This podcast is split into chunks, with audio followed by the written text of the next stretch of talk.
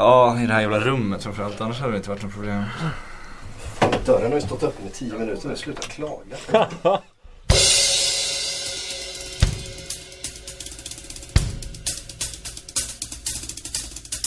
Och där var den, trumvirveln som indikerar att den äntligen är här. Den galna säsongen.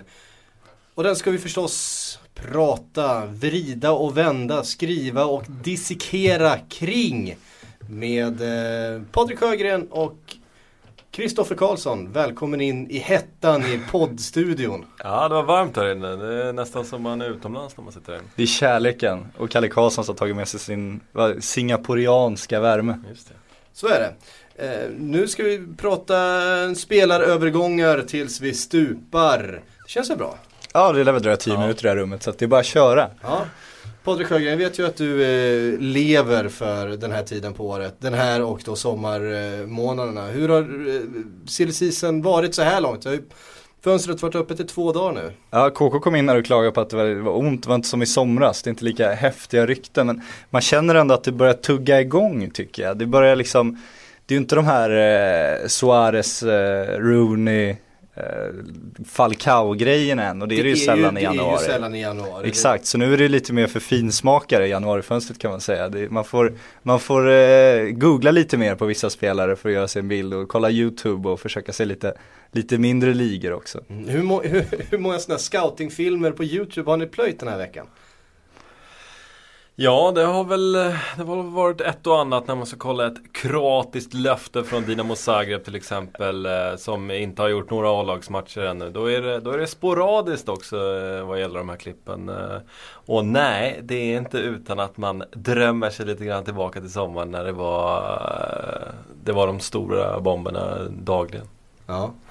Samtidigt så eh, finns det ju förstås en hel del att prata om. Det finns lag eh, och klubbar i ganska stort behov utav stora värvningar. Vi kommer att prata förstås om Manchester United som väl är det, mest, det största utropstecknet i just den kategorin.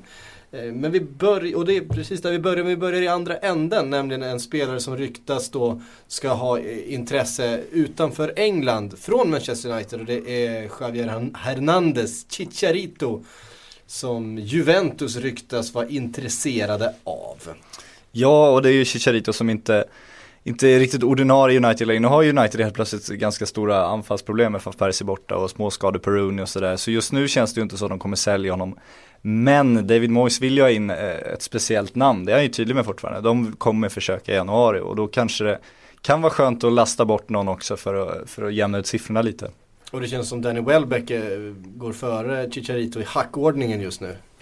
Så är det. Eh, David Moyes har inte det godaste ögat till Chicharito så att han vill bort är som eh, man absolut får känslan av är absolut inte oförståeligt. Eh, Vilket jag kan tycka är lite synd. Jag, eh, jag tycker att Chicharito har potentialen för att vara en eh, super sub i United. Men eh, Men han kanske Som inte sagt, vill vara en super sub. Han kanske vill ha en, vara en super En super striker. bara. En super starter. Ja men samtidigt så tyckte jag han hade inga problem med det under Ferguson. eh, Och förtroendet var ju högre hos Ferguson. Så. Det var lite mer glamour då också kanske. Det var topplacering i ligan, det var ett annat strålkastarljus, det var det, allt gick lite mer med honom kanske också. Om vi pratar Juve då, hur deras eh, anfallsuppsättning nu med Llorente, med, med Tevez. Eh, hur skulle en Chicharito kunna klämma in sig där? Han blir ju en super sub. De har ju fått igång Är Llorente. inte det risken att han, att han får samma, samma roll där? Ja men det känns, jag älskar Juventus anfallspar just nu för att det är det här klassiska. Det är en lång, eh, lite mer target-kille Llorente och sen är den här snabba, tekniska, kreativa killen bredvid. Det är lite eh, good old days över dem. Och Jurente börjar göra massa mål nu också. Så att jag, de, men det är väl att de vill bredda, om de ska utmana på fler fronter så behöver de väl fler anfallare också. Ja, Jorente hade en eh, tuff eh, period i början när han kom in i klubben. Eh, hade inte spelat på väldigt länge i och med att han var i frysboxen i Bilbao. Och, eh, det tog ett tag för honom att komma in. Nu är, tycker jag att han är den vassaste anfallaren av de två i Juventus. Och jag eh, är fundersam på om inte en Chicharito skulle kunna peta en Carlos Tevez. Tevez som värvades in för att ta den här klubben till eh, nya höjder i Champions League. Men eh, som när vi summerar eh, Juventus Champions League-säsong inte gjorde ett enda Champions League-mål. Men Chicharito, Cup Tide. Mm. Jo, eh, och Juventus spelar inte vidare i Champions League men eh, Nej tänk, det är sant. tänker, det är vi, tänker vi framåt i tiden så, så eh, tror jag absolut att Men uh, Chicharito Kan man peta TVs då? Det var ju den prestigevärvningen, den lönepost man kan räkna ut att han sitter på. Är det försvarbart gentemot ägarna att sätta honom på bänken? Nej, du har en poäng där Patrik. Eh, klurigt, absolut. Men eh, Llorente för mig är, är vassare. Sen så eh, är, är ju TVs framtid en annan fråga. Jag, jag är inte tvärsäker på att han spelar eh, resten av karriären i Juventus till exempel. Mm. Ja, Det luktar lite tåflytt där kanske. Ja precis. Och Eh, då menar jag inte till Chelsea då utan sa- trolighetsfaktor på att Chicharito lä- lämnar eh, United. Det är ganska låg ändå. Det är Det är, inte så troligt att han lämnar i, i januari. United behöver ju den bredden också, det går inte riktigt med dem så det är svårt att se dem släppa honom. Men, men eh, det beror på hur omöjlig han gör sig också såklart och vad som kommer in. Men det borde ju finnas folk som hugger för det är drös av eller klubbar som behöver anfallare och det är ju inte en drös av anfallare som finns på marknaden, det är ganska tydligt. Mm. Ja, det räcker med att blicka ut över Premier League så kan man konstatera att eh, majoriteten av eh, klubbarna skulle behöva en anfallare. Mm. Så är det. Eh, sen att han lämnar i januari är väl ganska otroligt men i sommar eh, mm, mm, mm, Där tycker jag det börjar, eh, det börjar anas något. Ja, en spelare som vi dock kan sätta en liten högre procent på i trolighet att han kommer lämna är Juan Mata. Såg inte alls glad ut när han blev utbytt eh, igår. Eh, han har inte sett glad ut på ganska länge och vill nog inget hellre än att spela för en annan manager än José Mourinho. Han har ju den där tendensen Mourinho att hitta sina hackkycklingar i lagen. Eh, jag vet inte vad, vad, vad, han, vad han gör där riktigt. Jag tror det är hans maktspel fortfarande, jag tror det. det är, kommer man in i en klubb, ska visa vem som bestämmer, flyttar upp på en av de, en av de liksom namnkunnigaste spelarna då och visar att ja, är du är duktig men det här är, det här är mitt lag liksom. Då visar du ju direkt, du sätter ju tonen, du visar ju vem som är bossen. Så min konspirationsteori är att det är hans lilla maktspel faktiskt, att kanske Mata får stå som offer för det. Vart ska då Juan Mata? Han ska till PSG. Han ska till PSG. Ja men PSG ska ju ha Kabaj också. Ska de ha både Mata och Kabaj eller? PSG behöver ju kvalitet, de behöver ju världsstjärnor och det, det är ju det här vi brukar prata om med, med stenrika klubbar att de har ju råd att köpa, de skulle kunna köpa Leo Messi om han var till salu. Problemet är att Leo Messi inte skulle gå till PSG. Så när de får chansen att hugga en som faktiskt vill gå till den klubben eller sitter i en situation där de är tvungna att gå till den klubben, det är ju då PSG måste slå till. Och Mata är ett sånt typexempel, plus att de har ju flera mittfältare i PSG nu som underpresterar så att det finns faktiskt en, ett behov också nu. Sen är, är det faktiskt så att Mata skulle kunna komplettera anfallstrion eh, bredvid Zlatan och Cavani och det är ju en eh, en trio som inte går av för hackor. Eh, All respekt till eh, Lavezzi men eh, Mata är på en helt annan nivå. Om vi blickar över de två föregående säsongerna som har varit. Och då när du nämner Lavezzi så kommer vi ju osökt in på ryktet om Lavezzi till Tottenham. Mm. Tottenham som ju behöver eh, offensiv förstärkning. Vad tror ni om den? Så det var kul, PSGs president var ute igår tror jag Han, han, det han har ganska hög lön. Det har han, men PSGs president var ute igår och, och sluggade lite om transfermarknaden vad de skulle göra. Han sa vi kommer inte köpa någon, vilket vi kan vilket man brukar säga i och för sig. Men sen sa han också att eh, Jeremy Menez, Menez stannar för jag gillar honom som spelare. Blaise Matuidi har förlängt och Thiago Motta också förlängt. Lavezzis namn nämndes inte där, vad jag har sett. Så att han kanske är den som ändå finns på marknaden. Om de får en möjlighet att hitta en annan ersättare till honom. För det känns inte som de kan sälja honom och liksom och köra på med det de har. För den som skulle kliva in där är ju en Menesto till exempel. Han har ju inte direkt eh, imponerat i PSG, det kan man inte påstå.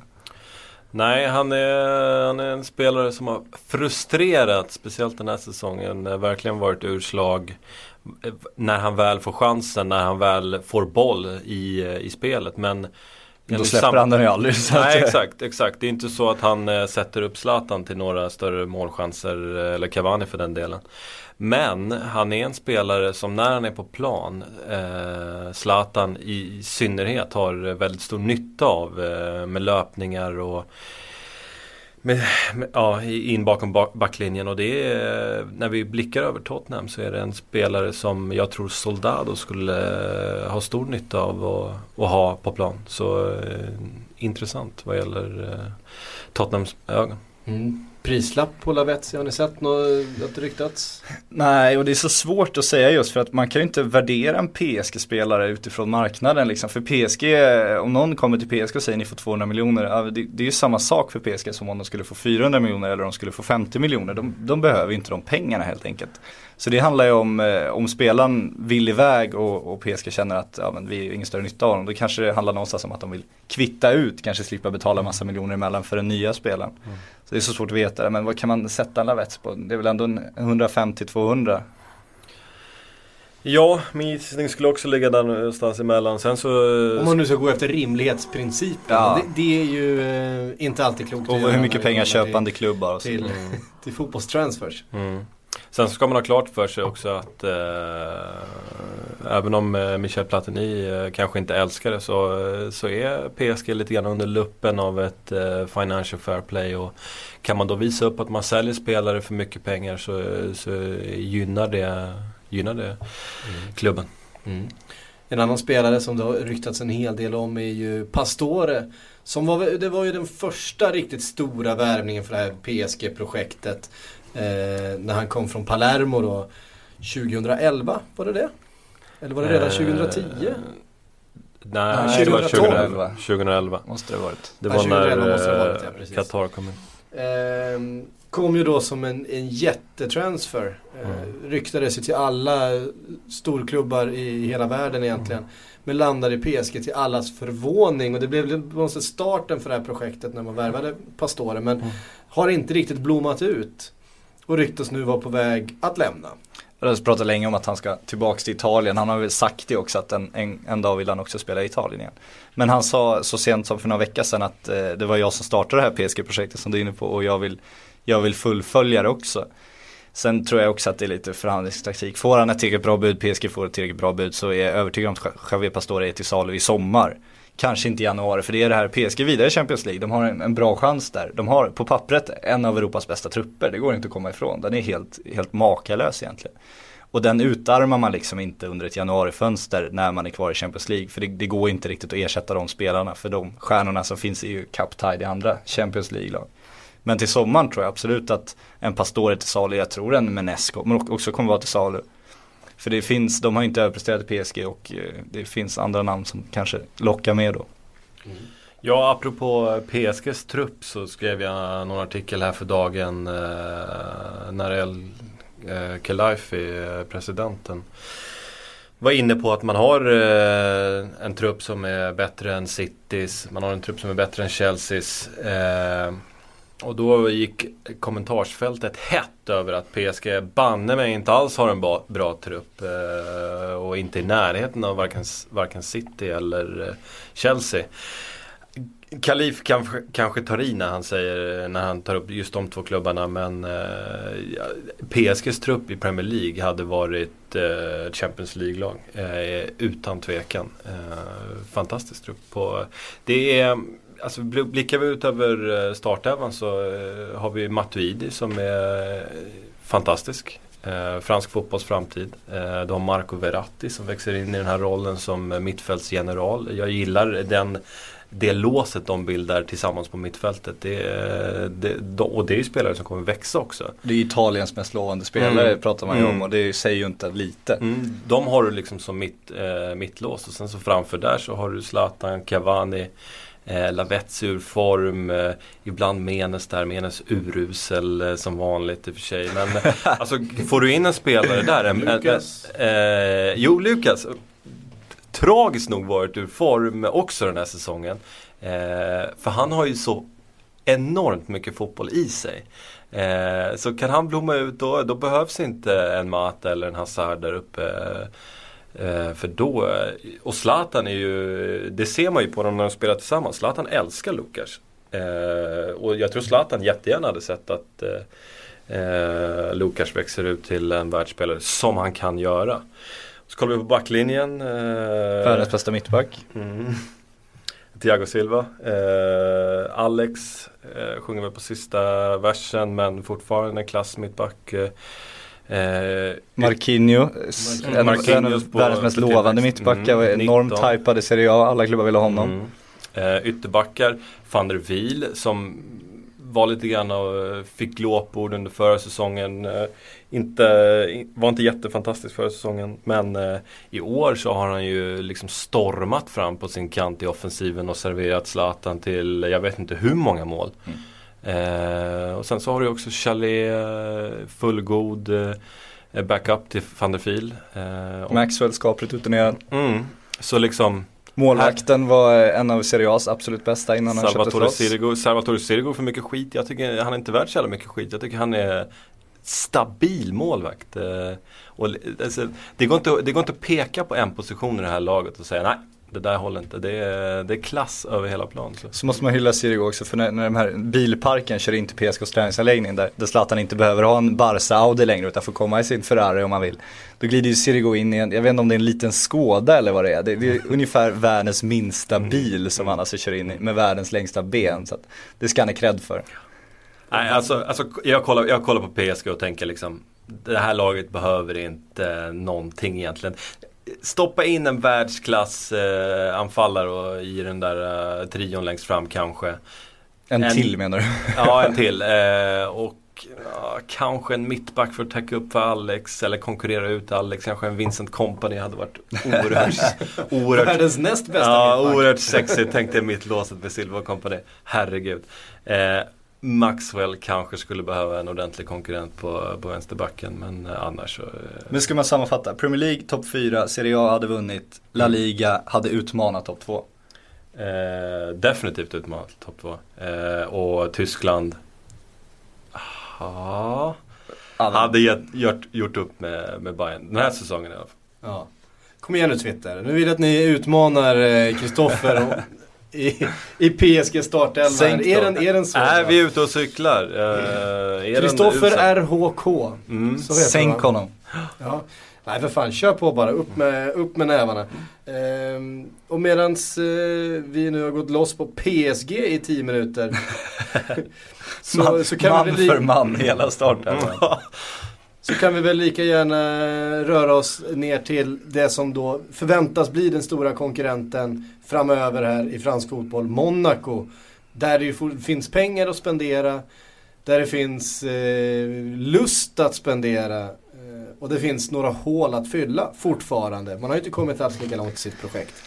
Hur ser, eh, hur ser den truppen ut och hur, hur kommer de agera i det här januarifönstret? Eh, jag tror definitivt att man tittar på mittback. Eh, jag tror att man, eh, man kollar tillbaka på sommar eller på, på de mittbacksvärvningar man har gjort i eh, Carvalho och en Erik Abidal och kan konstatera att eh, det har inte slagit allt för väl ut. Eh, det märks på, på de här herrarna att det går eh, lite för fort för dem. De är lite för orörliga.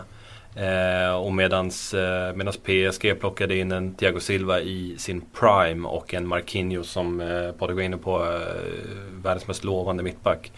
Så har eh, Monaco plockat in två stycken gubbar på mittbacken vilket, vilket inte har varit särskilt bra. Eh, jag tror definitivt att de tittar på en eh, mittback. Eh, Vincent Kompani är ett namn som ständigt eh, dras till, eh, till den eh, klubben. Mm. Och det handlar ju också om att bygga ett eh, Champions League-lag till nästa säsong. För det är ju förstås målet, ser ju ut att kunna bli så också. Mm. Eh, och då krävs, det, då krävs det en ordentlig trupp. Men de är ju den svårigheten som PSG var i tidigare och som Manchester City var också först. Det handlar om att få in en stjärna. Det var ju Manchester City tog Robinho när de började där. Eh, Monaco tog Falcao, PSG tog eh, Pastore. Ja. Och sen lyckades ju PSG, de, gick, de fick ju en, en, liksom, en drömdeal med Milan där av nästan ren slump. Mm. Milan var helt plötsligt i en ekonomisk kris, Silvio Berlusconis företag hade åkt i botten, hade förlorat makten i Italien. De var tvungna att göra något, de hade två superstjärnor, de fick överbetalt och de mer eller mindre tvingade bort då framförallt Thiago Silva. Han har ju sagt att han aldrig ville lämna. Zlatan kanske var lite mer öppen för det med tanke på hur mycket Milan tappar i konkurrenskraft.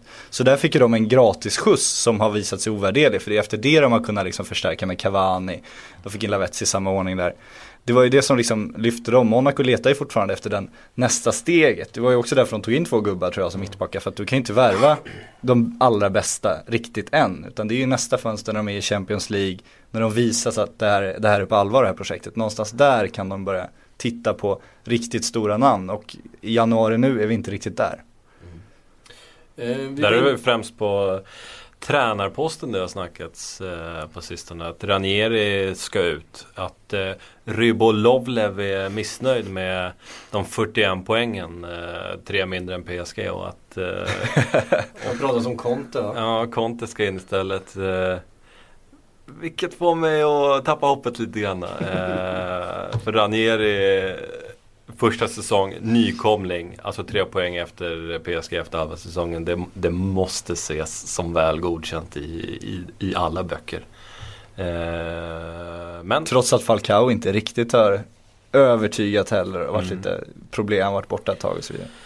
Precis, mm. eh, konstigt. Konstigt. Vi var inne på mittbackar där. En mittback som det pratas om att det kanske ska eh, röra på sig kring är eh, Jolion Lescott. Alltså Vincent Companys eh, lagkamrat i Manchester City.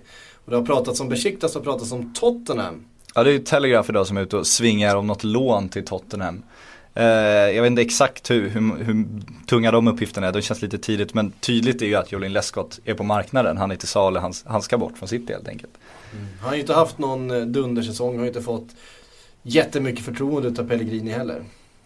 Nej, eh, och jag har varit inne på det tidigare i Premier League-podden. Jag har haft en liten, eh, en liten diskussion med Kalle Karlsson där eh, kring huruvida City behöver och kommer värva mittback i januari. Jag har ju varit på den stenhårda linjen att, eh, att de kommer värva en mittback. De inser att de behöver eh, värva en mittback. För när Vincent Kompani är borta då ser eh, minst sagt ihåligt ut i det försvaret. Eh, så att Lescott försvinner och att det kommer in ett nytt namn där, det ser jag inte alls som omöjligt. Men vart hittar vi mittbackarna? För nu har ju Barca velat värva en mittback i 14 år känns det som, nu är det inte så länge men två säsonger i alla fall. Mm. Det är ju inte, det är lite som anfallskrisen, nu är det mittbackskrisen i fotbolls-Europa. Vart är namnen som, som kan komma till Monaco, som kan komma till City, som kan komma till Barcelona? Ja, de är definitivt eh, färre. Alltså, det, det är lustigt det där, eh, de här trenderna man, man ser. Eh, just, just mittback är liksom de görs inte som de gjordes på 90-talet. De är betydligt mer sällsynta idag. Idag är alla mittfältare, alla är offensiva mittfältare. Mm.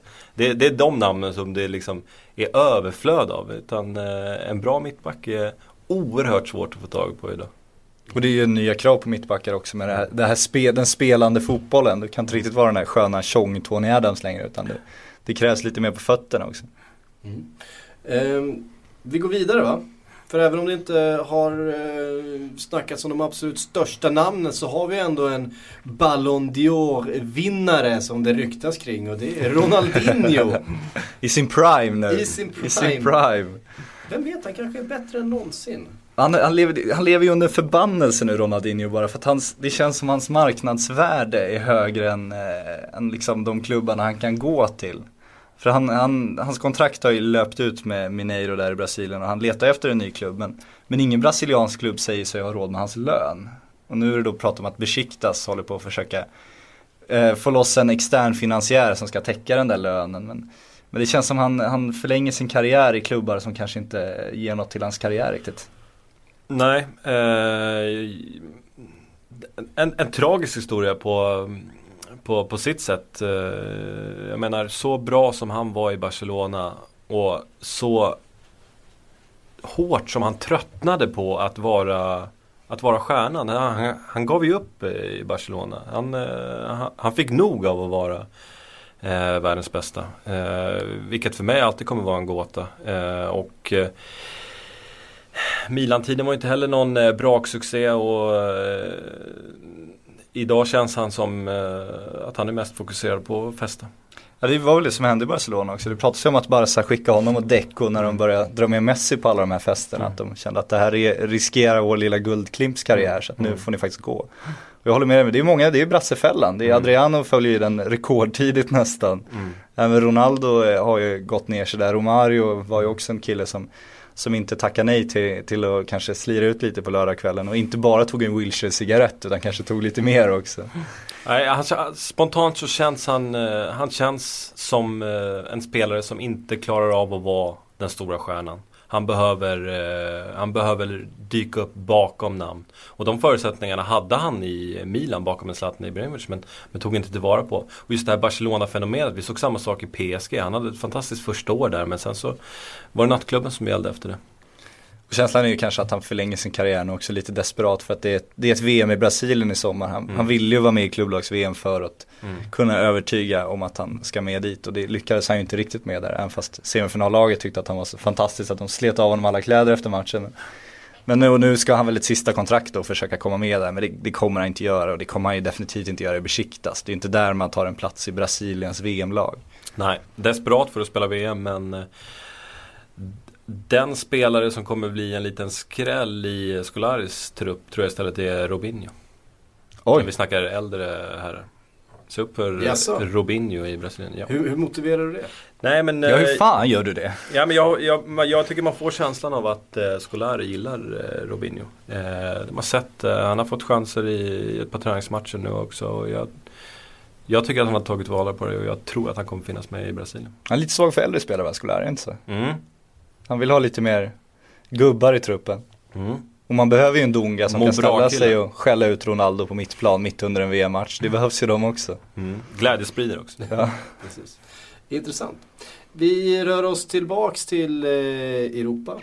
Vi rör oss hela vägen till Ruhrområdet där en Julian Draxler är eh, het som en nybakad potatis. Men, kommer han lämna? Inte en chans. Men han, han kan ju vara transferfönstrets hetaste spelare i ryktesvängen. Mm. Det, är, mm. det är dagligen man ser diverse fans från olika klubbar gå sig varma i byxorna över honom på Twitter liksom, att han är på väg dit. Och, men januari, 20 år, en av Tysklands största talanger, kommer kosta Skjortan. Skjortan, alltså 500 plus som han skulle gå i januari, det kommer, kommer inte hända. Han är definitivt en, en sommarspelare, en kille du värvar på sommaren. Det finns inte möjlighet att han går nu. Nej, en offensiv mittfältare. Ja. Nej men Bild kör ganska hårt på att han eh, drar i januari tillsammans med, med tränaren. Mm. Jag vet inte. Ja, då blir det dyrt alltså. Då blir det svindyrt. Ja, vem lägger de 400, 500? Vem lägger de? Chelsea, de behöver ju en, en, offensiv, en offensiv mittfältare till. Nej men det pratas ja. om, om vi ska ta klubbarna, det pratas ju inte om United som kanske skulle, som ja. kanske skulle ha råd med en mittfält, som kanske behöver mittfält. Det pratas ju om Arsenal. De, Wenger betalar inte den summan nu. Det har nämnts Tottenham, de, de har inte de pengarna nu. Bayern München är ju en klassisk tysk sån klubb. Känns ju inte som de behöver en uh, offensiv mittfältare. Julian Draxler kommer inte gå till Monaco, han kommer inte gå till PSG, Italien för lite pengar. Vad har vi kvar? Ja. KK. Ja. Ja. Nej, vi får se vad som händer. Eh, kan lite... vi ha ett vad där? Ett sillvad? Vi räknar hem det efter januari. Du tror han går? Mm, ja men jag vill ha ett odds på det. Jag vill ha ett bra odds på det. Nej, jag vill ha ett bra odds. Jag har lite handikapp på det.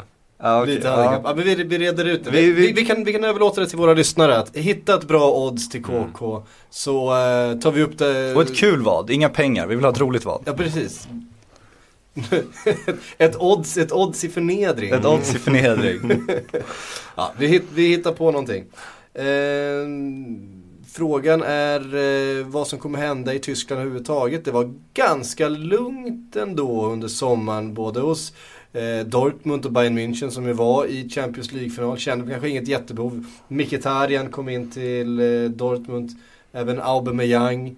Eh, annars så handlar det ganska mycket om att eh, bevara, eh, till viss del eh, förädla de, eh, de trupperna man redan hade. Hur tror ni att den tyska eh, januari, det, det, tyska januarifönstret kommer att utveckla sig? Jag, jag, kan säga en sak med säkerhet och det är att Dortmund kommer värva mittback. Eh, deras säsong eh, ja, ligasäsongen rasade ju samman när Subotic gick sönder och det var ju nära att eh, Champions League-säsongen också rasade sönder. Så då fick man plocka in Friedrich som hade gått i pension. Eh, och, ja, han fick plocka ner eh, dojorna från hyllan och komma och spela Champions League-fotboll med, med Dortmund. Det är också ett steg man kan ta. Så där kommer man att plocka in ett, ett lite starkare namn i, i januari. Det vågar jag lova. Ja. Annars är det ju sommarvärvningar de jobbar på nu i Tyskland. Mm. De är ju de som sätter trupperna tidigast varje år. Det är tydligt att de jobbar ganska tydligt så. Bayern München kommer göra en värvning nu. De kommer ju skriva kontrakt med Robert Lewandowski. Men han kommer ju komma först i sommar. Mm. Men summeringen så här en halvtimme in i, i eh, första Silverpodden, det här fönstret, eh, är alltså att det är mittbackarna som är hetast mm. i januari. Ja, de är, de är med där uppe. Men som sagt, alltså, det räcker med att blicka ut över Premier League så ser vi att det är anfallare som behövs. Mm. En spelare som eh, just nu spelar i eh, Bundesliga för Bayern München är Shakiri, schweizaren som... Sherdan, det här Sherdan Shakiri. Fina namnet faktiskt. Som då ryktas vara på väg bort. Det har pratats om eh, Premier League men det har också pratats om Atletico Madrid. Vad händer med denna, detta kraftpaket? Eh, som man ju ändå får räkna som eh, den gode Shakiri. Bayern ser honom som en stor talang men han får inte plats där. Och han ska ju spela VM för Schweiz så att det är så situationen är. Han behöver speltid. Och då är det ett lån det pratas om och det känns ju eh, otroligt logiskt att de faktiskt ska låna ut honom. För de har möjlighet att göra det, han behöver ett lån och han är ett så pass stort namn och en så pass bra spelare så att det ska inte vara några problem att hitta en, en klubbadress som är attraktiv för honom. Nej, gåtan är ju varför han inte lånats ut tidigare. Alltså, själva flytten till Bayern München. Eh, han, han, kun, han kan ju aldrig haft några förhoppningar om att eh, kliva in i någon startelva när han kom dit. Eh, jag hade jättegärna sett honom i eh, Atletico Madrid. Jag tror att eh, Simeone hade gjort underverk med, med honom på kanten. Det är väl det man kan sakna lite grann i ett Atletico Madrid som har varit alldeles lysande. Det är väl lite mer eh, fart längs kanterna.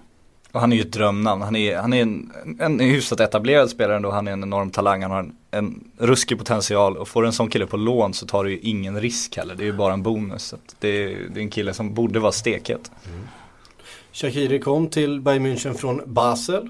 En annan spelare som just nu spelar i Basel som det ryktas mycket om är Mohamed Salah. Vad säger ni om den segwayen för övrigt? Ja, men väldigt vackert. Jag gillar, du, du har väder pointen där. Du är väldigt duktig på övergångar måste jag säga. Ja, tack så mycket. Ja. Eh, Mohamed Salah som det har ryktats om till Liverpool eh, under, ja det är väl kanske det, det mest, de mest konkreta ja, ryktena. Han, han har väl varit klar 25 gånger nu tror jag ungefär. Så att... Men nu har det kommit ganska mycket rapporter de senaste dagarna om att det faktiskt inte alls är så nära att bli någon affär. Mm Även att vi har räknat hem den flera gånger som du nämner. Eh, vad säger vi om den här övergången? Vad, det man kan säga med säkerhet, alltså vi har ju sett, det har varit diverse källor. Det var någon som sa att hans kompis skrev på Facebook att det var klart, det var sådana här helt galna källor. Så de kommer inte mycket för. De men bästa. nu, exakt, men nu har ju Liverpool Echo varit ute och då kan man ändå börja tro på det. Och de säger då att absolut Liverpool jobbar med, med på värvningen då, men ingenting är klart och det finns fler klubbar med i bilden. Mm. Och om man ser historiskt så kan det vara så nu att eh, de har ett bud från Liverpool, det har de med säkerhet. Jag tror säkert Liverpool är överens med Basel också. Sen om det finns fler klubbar med i bilden, det är ju så agenter jobbar också. Ska du skriva ett kontrakt med någon, de har ganska gott tid på sig, då tar du gärna in fler intressenter för att och, få upp lönen, jacka upp lönen som Niklas Wikegård skulle säga. Mm. Så det är väl det som pågår just nu kan man tänka sig. Det har ju skrivits också om att man inte riktigt är överens om övergångssumman också. Eh, Liverpool under eh, Fenway Sports Group har ju den strategin att man sätter ett, en värdering på spelare, sen går man helt enkelt inte över. Och sätter klubben man ska köpa över, värderingen en miljon eh, eller kanske bara ett pund över det man själv sagt, då, då blir det ingenting. Ett eh, Wenger-bud där alltså? Det, det, det pratas om att det är, är faktiskt själva övergångssumman som eh, man inte har kommit överens om med, med Basel. Vad tror du KK? Det kan ligga någonting i det. Eh, och sen så kan man ju säga vad man vill om FSGs eh, värvningspolicy. Ja, här har man en spelare som eh, inte bara varit eh, lysande i schweiziska ligan och vunnit årets spelare i Schweiz. Eh, utan även en spelare som tog basen till Champions League på helt egen hand och sen även sänkt Chelsea i, i båda mötena. Så mycket spännande spelare och jag eh, hade gärna sett att man kanske tummar lite grann på de där eh, reglerna så att vi får se Salah i Premier League för det tror jag hade varit ett nöje. Vad hade han kunnat göra för Liverpool då? Ja, han hade, vi hade fått in fart, eh, alltså ordentligt med fart och en kreativ spelare som, som, som bjuder på det oväntade. Mm. Så skulle jag säga. Men det känns också som det blir Liverpool. För det är, alltså om man ska analysera ryktena så det är inga riktigt konkreta namn på andra klubbar det pratas om. Och, och jag tror faktiskt att det där måste de ju lösa. Ja. Eh, ska vi då ta oss an det här eh, problemet som har uppstått i engelsk fotboll när Manchester United helt plötsligt eh, gnisslar ordentligt. Eh, och man, man vet varken upp eller ner jätteklubben som har dominerat den engelska fotbollen de senaste 20 åren eh, Ehm, har förlorat sin största profil när eh, Alex Ferguson pensionerade sig och går nu eh, inte alls som man brukar. Det innebär ju att det blir väldigt mycket rykten och väldigt mycket spelare som ska hämtas in för att baxa upp det här storlaget till det vi ska kalla då normal nivå igen. Ett av de namnen är Marco Reus från Dortmund. Eh, förstås ett eh, av det lagets stora utropstecken de senaste två säsongerna. Men kan man få loss en sån spelare i det här skedet från ett Dortmund som måste kraftsamla nu inför eh, Champions League? Nej, det kan man inte. Eh, jag, jag, tror definitivt att man kan få loss honom i sommar men eh, i januari, no way. Inte när eh, Dortmund eh, ska rädda säsongen med, en, med att gå djupt i Champions League. Jag, eh, oerhört svårt att se det ske. Jag vet inte, vad tycker du på? Nej, jag håller med. Det du pratar om är den här utköpsklausulen som ska finnas. Men den ska ju också vara tidsbestämd och ligga längre fram i tiden. Jag håller verkligen med. Du, du, Dortmund de skulle ju skjuta sig själva. De skulle döda sitt anseende och de skulle ge upp säsongen om de säljer Marco Reus i, januari. Och det, då, de pengarna som ska in då, det, det kommer inte hända. Däremot kan man säga att det är United sett i stort, man tänker att de är en, en, de är en välskött ekonomi och liksom de, de har satsat långsiktigt och så vidare. Men när de väl går in på stora spelare, då går de ju verkligen in på dem. De köpte Rio Ferdinand, han var inte billig. De köpte Wayne Rooney, han var inte billig. När de hittar sin guldklimp, då är de beredda att betala. Och Marco Reus skulle kunna vara en sån spelare, men till sommaren i så fall. Mm. Det har ju också pratats, det kom ju uppgifter om ett bud på en halv miljard för Evertons Ross Barkley. Vad ger vi för de uppgifterna? Det känns väldigt populistiskt. Ross Barkley har gjort en helt fantastisk höst och är en sån, en engelsk stortalang och engelska medier älskar engelska stortalanger. Engelska medier älskar att skriva stora summor om engelska stortalanger. Så att, att någon ska betala eh, så... Det är en engelsk prislapp också då. Exakt, mm. så mycket från honom nu, eh, det, det, det finns liksom inte. Men vad ska United göra då? De, de, de måste ju värva. Ja, det kom intressanta uppgifter. Jag tror det var Manchester Evening News som skrev att, att eh, David Moyes har, har, haft flera namn men han börjar bli orolig på allvar nu för att det verkar som om de inte får loss någon nu heller. De har ju fler, de vill ha in en vänsterback, de vill ha Leighton Baines eller Luke Shaw pratats om. Det är ju två otroligt svåra spelare för loss i ett januarifönster såklart. De vill ha in den där mittfältaren som de har letat efter, ja sen Paul Scholes började tappa lite i form liksom och blev ganska gammal. Och den fick de inte loss i sommar och vi vet att det är ännu svårare att värva som spelar i januari. Det man kan liksom sådär blir lite sukta efter det är att de faktiskt skulle, skulle göra ett rejält försök på Mata. Det skulle vara intressant att testa Chelsea i alla fall och se vad som krävs för att sälja till en konkurrent. Mm. För pengar finns ju, det mm. vet vi ju. Ja, och det finns intressanta namn utöver Europa. Det, kolla bara på Ander Herrera som eh, skapade, ja det var inte han som skapade rubriken, det var några skojare som skapade rubrikerna i somras. Men, eh, Om det nu var skojare, det är fortfarande lite osäkert det där. Ja, Kåke. Ja absolut, Kåke. Kåke. Som Moj ska ha varit och kollat på. Ja men Kåke känns ju som ett namn de skulle behöva. Det blev ju förbannelsen för United där att Atletico gick så jäkla bra i Champions League. Så de lär inte heller släppa honom i januari. De behöver ju dock pengar. Ja. De behöver pengar men samtidigt om de känner att de har en chans att gå några omgångar till i Champions League då får de in cash där och Kåke kommer ju, det är ju inte en 33-åring som kommer tappa i värde liksom. Han kommer ju vara precis lika mycket värdefull i sommar om han inte pajar sitt knä men det kan man inte räkna med. Så de, eh, de kommer ju behålla honom till sommaren. Ja, jag är inte lika säker där Patrik. Jag tror att eh, om det är någon klubb som ska lockas av stora summor pengar i januari så är det Atletico Madrid. Eh, just med den ekonomiska aspekten. Det är en klubb som än idag kämpar med grova ekonomiska problem. Så mm, Atletico Madrid är nog en klubb man vill eh, ha som måltavla om man ska handla lite grann i januari. Hade de rykt i CL då, då är jag helt med dig. Då är jag också övertygad om att KK hade gått. Däremot så tror jag att de ändå kan se långsiktigheten i sex månader framåt. Jag tror de vet vad de får för Det genererar ju en del pengar att, att gå långt i Champions League också ska vi komma ihåg.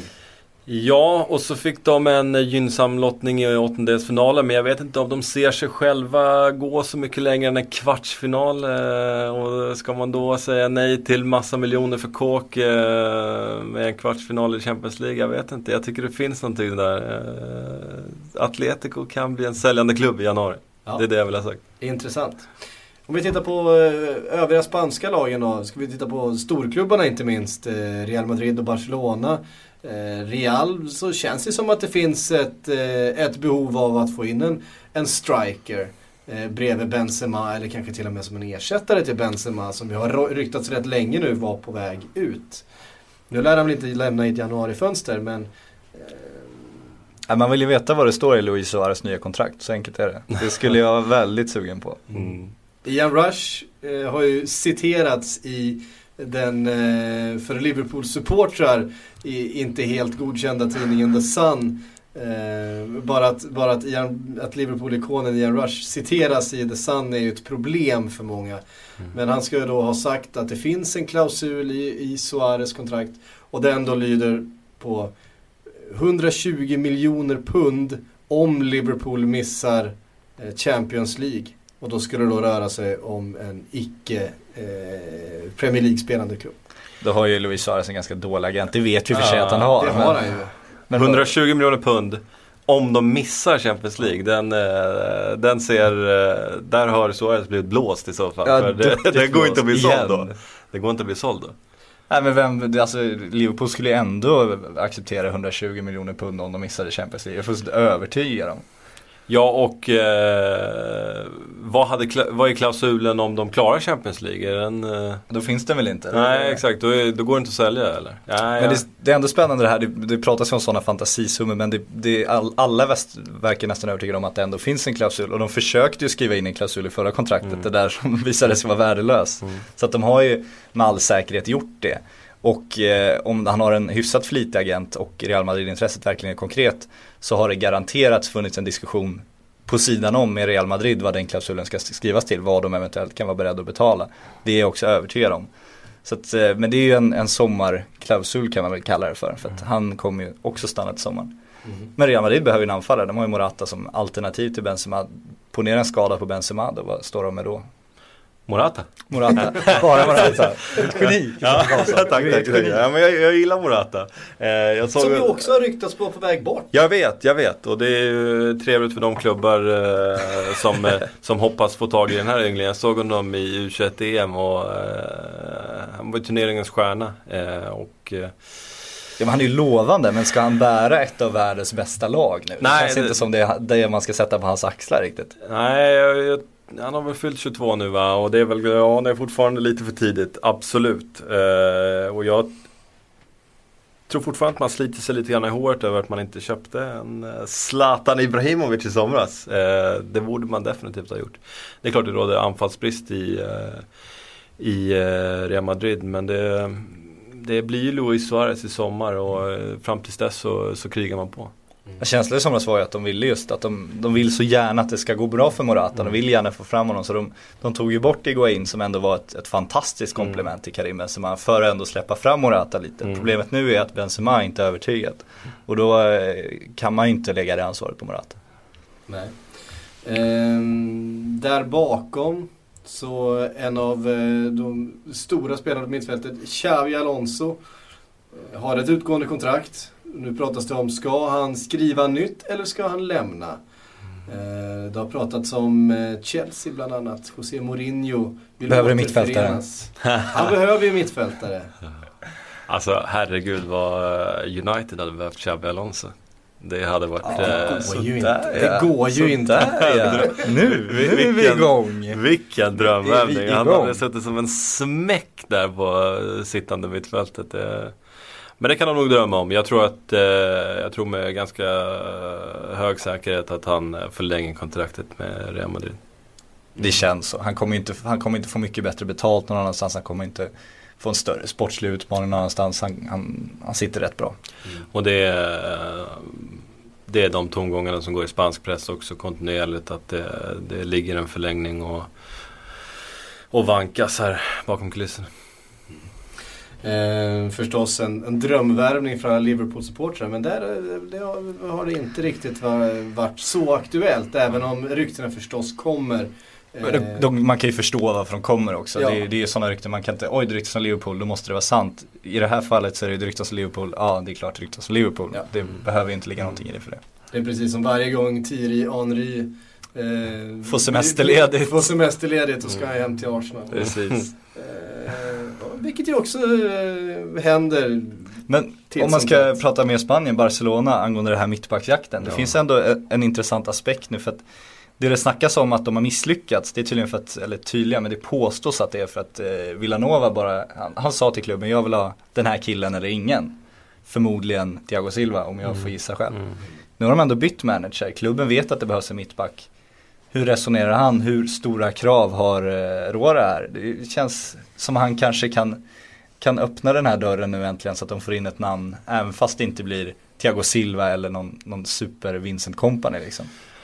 Samtidigt så ryktas det om att Martinos framtid i klubben inte behöver vara särskilt lång och eh, då har man en annan, eh, ett annat problem. Eh, om inte Martino är kvar om ett år, ska han då plocka in en mittback? Eh, faktum kvarstår ju att man, behövde, man behöver en mittback, det man behövt i tre säsonger. David Luiz har det pratats väldigt mycket om. Mm. Ja, men frågan är om de inte skulle kunna jogga loss en Daniel Agger nu till slut ändå, om de fortfarande är intresserade. För att nu har ju Liverpool komplement och en ganska bred besättning där. Och Daniel Agger har ju nästan fått se sig själv som tredje val. Mm. Eh, som mittback. Av någon anledning så har eh, Brennan Rodgers också bestämt sig för att det går inte att spela med två stycken vänsterfotade mittbackar bredvid varandra. Nej. Annars så känns det som Sako och Agger eh, är de två bästa mittbackarna eh, i truppen. Men nej. Det är lustigt det där med vänsterfotade. Det är som att två högerfotade mittbackar inte skulle kunna lira bredvid varandra. Otänkbart ju. Ja. Ja, nej det är klart. Det är knivigt alltså. ja, vänsterfötter kan bara spela till vänster. Men det, det, ja, det är jag, sen gammalt. Det är svårt att se eh, Abramovic sälja till Barcelona. Det Även om Luis gärna hade spelat i Bra Barcelona. hopp där. Det, jag tror du fortfarande var på Liverpool där. Han köpte en klubb till nu. Ja, nej. Chockad. Nej, nej, nej. nej. Eh, nu snackar vi Luis här och jag tror även om Luis skulle vilja eh, hemskt gärna spela i Barcelona så tror jag Abramovic kommer sätta käppar i hjulet. Mm. Men nu är ju inte Abramovic som bestämmer ensam längre. Det ska man ju ha klart för sig. Mourinho har ju ändå, kan, är den som kan stå upp mot starka ägare. Mm. Ja, eh, ska vi ta en liten titt på Mercaton i Italien då. Eh, vi såg ju Napoli göra stora affärer i somras. Ehm, det ryktas ju även där om att en mittback eh, skulle sitta fint. Det är mittbackarnas januari där. Kommer... Alla, alla, talanger nu som bara, nej jag vill inte spela mittback, jag vill vara anfallare pappa. Fatta vad, vilka misstag ni gjort. Men det är nu det är läge att som mittback jacka upp sin lön. Ja. Exakt. Så är det. Jag gillar att vi jobbar in upp, äh, jacka upp som term här, det tycker jag känns väldigt, väldigt bra faktiskt. Frågan är ifall Napoli är laget man ska göra det i. De har ju, en, eh, de har ju en, en, lönestruktur där en mittback inte får tjäna mer än en viss summa. En mittfältare får tjäna en annan och en forward får tjäna mest. Mm. Där eh, det kanske inte finns utrymme för en astronomisk lön som mittback helt enkelt. Nej, och de lönerna är ju inte astronomiska för de högst betalda anfallarna heller. Eh, det var det som stoppade Zlatans övergång sägs det. Så där har det ju i övrigt snackats om Agger där också. Att han skulle göra en Peperina och gå på lån. Eh, det låter eh, ganska sexigt i min bok. Men jag vet inte om Agger är särskilt sugen på det.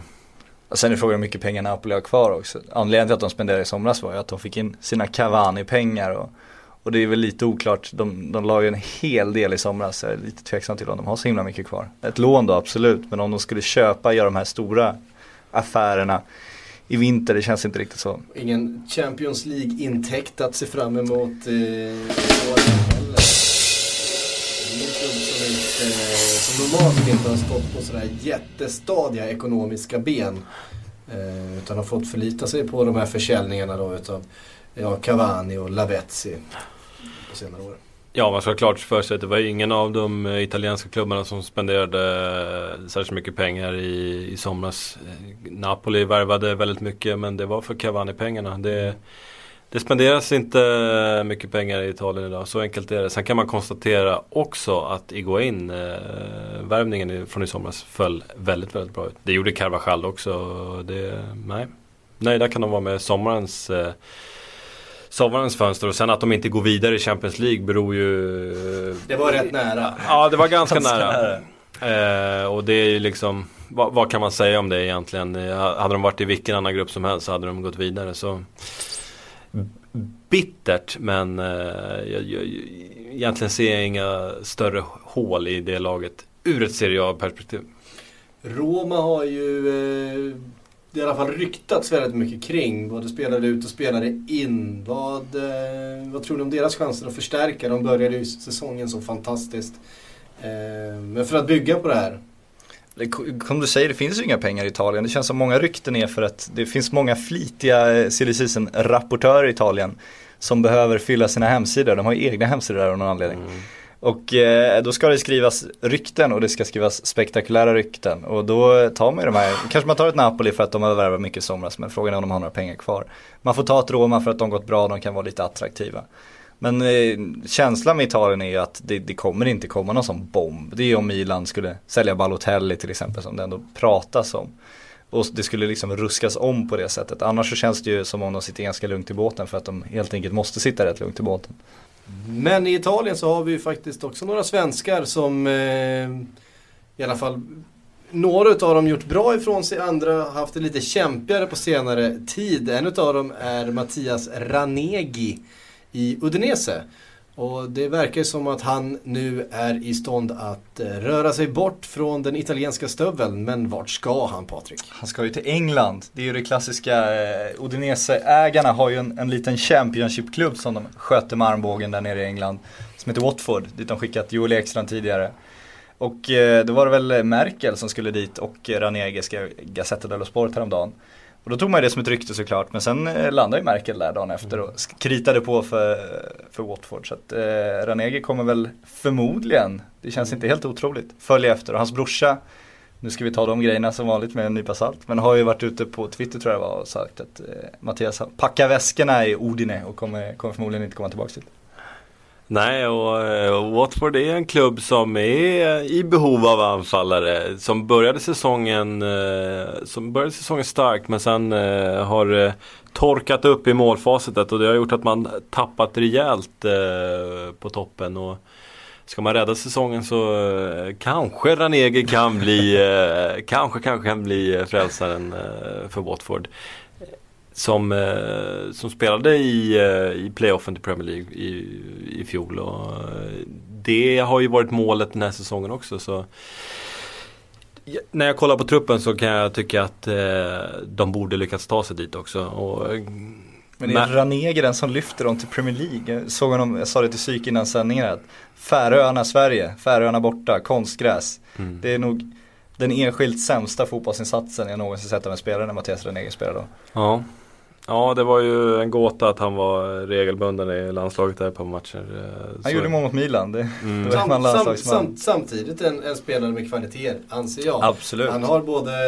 både pannan och, eh, och foten för att, att stänka dit en eh, 7-8 mål en, en vår i Championship. Ja, eh, helt fantastisk i Häcken och eh, även om han kommit på kant i Italien så, så tror jag, jag tror ändå att han skulle göra sig ganska bra i, i Championship. Ja, det ska bli intressant. Absolut. Eh, en annan spelare som eh, vi kan väl förvänta oss rör på sig, om det nu blir ett lån eller om det blir en permanent transfer återstår väl att se. Men det är John Guidetti som ju ska vara spelklar rent fysiskt. Eh, och känns väl som en spelare för bra, för intressant för att bara spela reservlagsfotboll. 22 år gammal som han har hunnit bli. Ja, det finns ju intressanta saker också. Han har jobbat med agenten Per Jonsson tidigare. De bröt ju sitt exklusiva avtal för något år sedan. Men då har de hela tiden jobbat med, med italienska kollegor, med italienska agenter för att, för att liksom ta John till Serie A.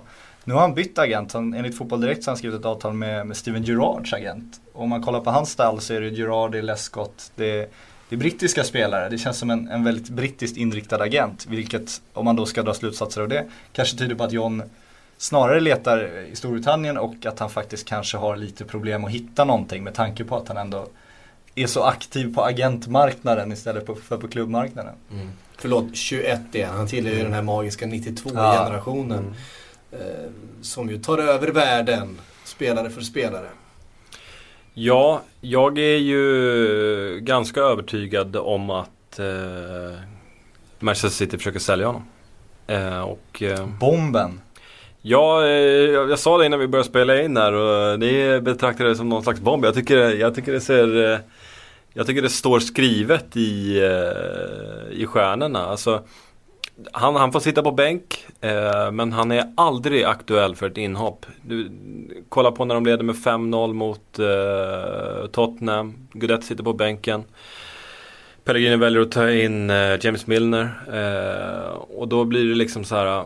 Ja, som sista byte då. Mm. Och då blir det liksom då, då, finns det ändå vissa röster som säger så ja ah, men det är liksom, det är truppbalansen här. James Milner ska också vara nöjd. Han vill också ha lite speltid. Du kan inte, man ska behandla stjärnorna väl liksom. Men sen, eh, sen så leder man med, mot Fulham med 4-2 eh, en månad senare och då väljer Pellegrino att stoppa in Xavi Garcia som sista byte. Och då blir jag bara... Och, och ni vet, vet, det, vet vi vad du tycker om Xavi Garcia. eh, och då, blir, då, då tycker jag att det framgår med all tydlighet att eh, Manchester City tänker inte ge Gudetti en minut på planen. Men de har honom jättegärna på bänken för att höja marknadsvärdet på honom i, eh, till januari. Så eh, jag, tycker, jag, jag, är ganska övertygad om att han säljs. Eh, vad än Pellegrini säger till, eh, idag då till exempel om, eh, om ett lån. Eh, så, Pratas om ett lån till Wigan bland annat mm. eh, nu i veckan. Ett lån till Malaga. Men det man kan säga är också att om du ska bli utlånad från en Premier League-klubb då behöver du egentligen inte ha en så aktiv agent. Utan då är, då är det klubben som med sina mm. kontakter ofta tar tar liksom, hittar en klubb åt dig. Mm, mm. Du förhandlar inte något nytt kontrakt utan du har ju ditt kontrakt som sen den, den lånande klubben förhandlar med Manchester City då i det här fallet om hur mycket stor del av Guidettis lön som de ska betala. Mm. Att han så är så aktiv nu med agenter och verkligen skaffar sig en, en brittisk högt ansedd agent. Det tyder ju också på som du säger att han faktiskt att han ska bort någonstans och att han ska, ska förhandla ett nytt kontrakt. Mm. Ja, Pellegrini säger det. Eh, Guidetti måste spela, eller John måste spela. Eh, vi har fyra fantastiska anfallare här och då snackar han inte om Guidetti utan de som står före ja. honom i rangordningen. Och, och då, då hajar jag ändå till lite grann och tänker herregud Pellegrini. Agüero är skadad, Jovetic är skadad. Eh, här senast igår mot Swansea så spelar du, eller så har du en avbytarbänk helt utan anfallare. Eh, och det är ju liksom eh, det, det, ser inte alls bra ut. Det, Gudetti kommer tyvärr, alltså som jag ser det, inte spela en enda minut. Inte göra något inhopp. Och kontraktsförlängningen som han fick häromåret när han var skadad, då, då tolkar ju många det som att Ja men de tror verkligen på John, de har gett honom ett nytt kontrakt nu trots att han är skadad och så vidare. Men ska du sälja en spelare, ska du få lite pengar för honom du får ju mer pengar om han har ett, ett långt aktivt kontrakt än om det är på väg att löpa ut. Mm. Så det tyder ju också på att de kanske någonstans har kikat på vad de kan få för honom. Och skulle det ändå bli en utlåning i januari så gör de det i så fall, tror jag, för att sälja honom i, i sommar. De hoppas på att han kan göra en bra lånesession på nytt och så kan man peka på Feyenoord-tiden 2011-2012 eh, och säga liksom, äh, kom igen, ge oss 8-9 miljoner pund för den här mm. spelaren. Ni ser ju att han kan peta i mål. Eh, visst, han får inte plats hos oss men eh, Eh, nej, lite, lite deprimerad blir man när, man eh, när man kollar på den här situationen som man hamnat i. City som har eh, Blackburn Rovers i helgen i FA-cupen. Kanske, kanske, kanske, kanske i det sammanhanget får vi se en John Guidetti. Vad tror ni? Inte ens där? Nej, det var ju mot Leicester senast va? Eh, då, då hade de ju till och med en bänkplats ledig som Guidetti inte fick sitta på. Nu var det ju för sig eh, för att Jovetic hade blivit eh, sjuk där i sista sekund. Så, eh, Nej, jag, jag, tror, jag, jag, tror att han, eh, Pellegrini kommer köra på samma bänk som han, eh, som han gjorde senast. Mot och sen är ju, jag, alltså John Guidetti är ju en, en enorm talang. Han kan vara svensk fotbolls framtid. Vi, vi hoppas ju ändå på det. Men man går inte in i Manchester City nu. Det gör han ju inte. Jag, jag tycker mig läsa, eh, de var lite, det var lite luddiga citat från Pellegrini men det verkar som att han var inne på att Guidetti har något litet problem med, eller haft något litet problem med knät igen och det är ju inte heller någonting som låter särskilt bra. Nej, mycket skador på den pöjken. Pöjken. Men nej, jag tror det är nog bra om han säljs också. För det är Manchester City, alltså, han kommer ju inte ta plats där inom tre år. Det är väldigt svårt att se. Att han då ska hålla på och hafsa fram och tillbaka med utlåningar och hur glamoröst den är att tillhöra Manchester City. Bättre att, att ta ett steg tillbaka och inte hamna i någon, någon Bentner-fälla där man liksom spelar en klubb man inte riktigt är, är bra för. Så att han liksom tar en annan klubb och verkligen sätter fart på sin karriär. Mm. Och där har ju Malaga ett gott förhållande till Pellegrini. Det var ju inga sura miner när eh, City värvade Pellegrini. Så eh, jag tror Malaga skulle kunna behandla honom väl när vi snackar eh, eventuella låneklubbar. Tittar vi på agenten tror jag att han vill vara kvar i England. Sen är det dumt att ta Steven Gerrards agent om man ska byta klubb kanske. Det känns lite konstigt. Mm. Så är det. Det var det vi hann med den här veckan i Sillypodden. Vi är förstås tillbaks eh, nästa vecka för att eh, summera och diskutera det som händer det här januarifönstret och vi kommer fortsätta göra det fram tills den sista januari då. Vi... Och vi kör på med bloggen också, varje dag. Ja, varje dag. Alltid, dygnet runt timme, nästa, varje, varje, varje, timme. Julafton absolut, nyårsafton, mm. inga problem. Så, Så ska vara. Så ska mm. vara. Så följ oss där. Eh, skriv gärna till oss på Twitter. Kom med rykten som ni hittar. Gärna, gärna konstiga avkrokar av internet. Sånt gillar vi att läsa och sånt, sånt gillar vi att, att eh, prata kring i alla fall. Mm. Och ge oss vadet nu. Mm. Julian Draxler-vadet. Julian Draxler-vadet, glöm inte det. Eh, som sagt följ oss eh, bloggen, eh, lyssna på podden, eh, på Twitter så heter vi Patrik Syk, Sjögren Patrik och Kristoffer RHK och hashtaggen är Sillypodden. Så enkelt är det. Vi hörs nästa vecka, ha det fint, hejdå!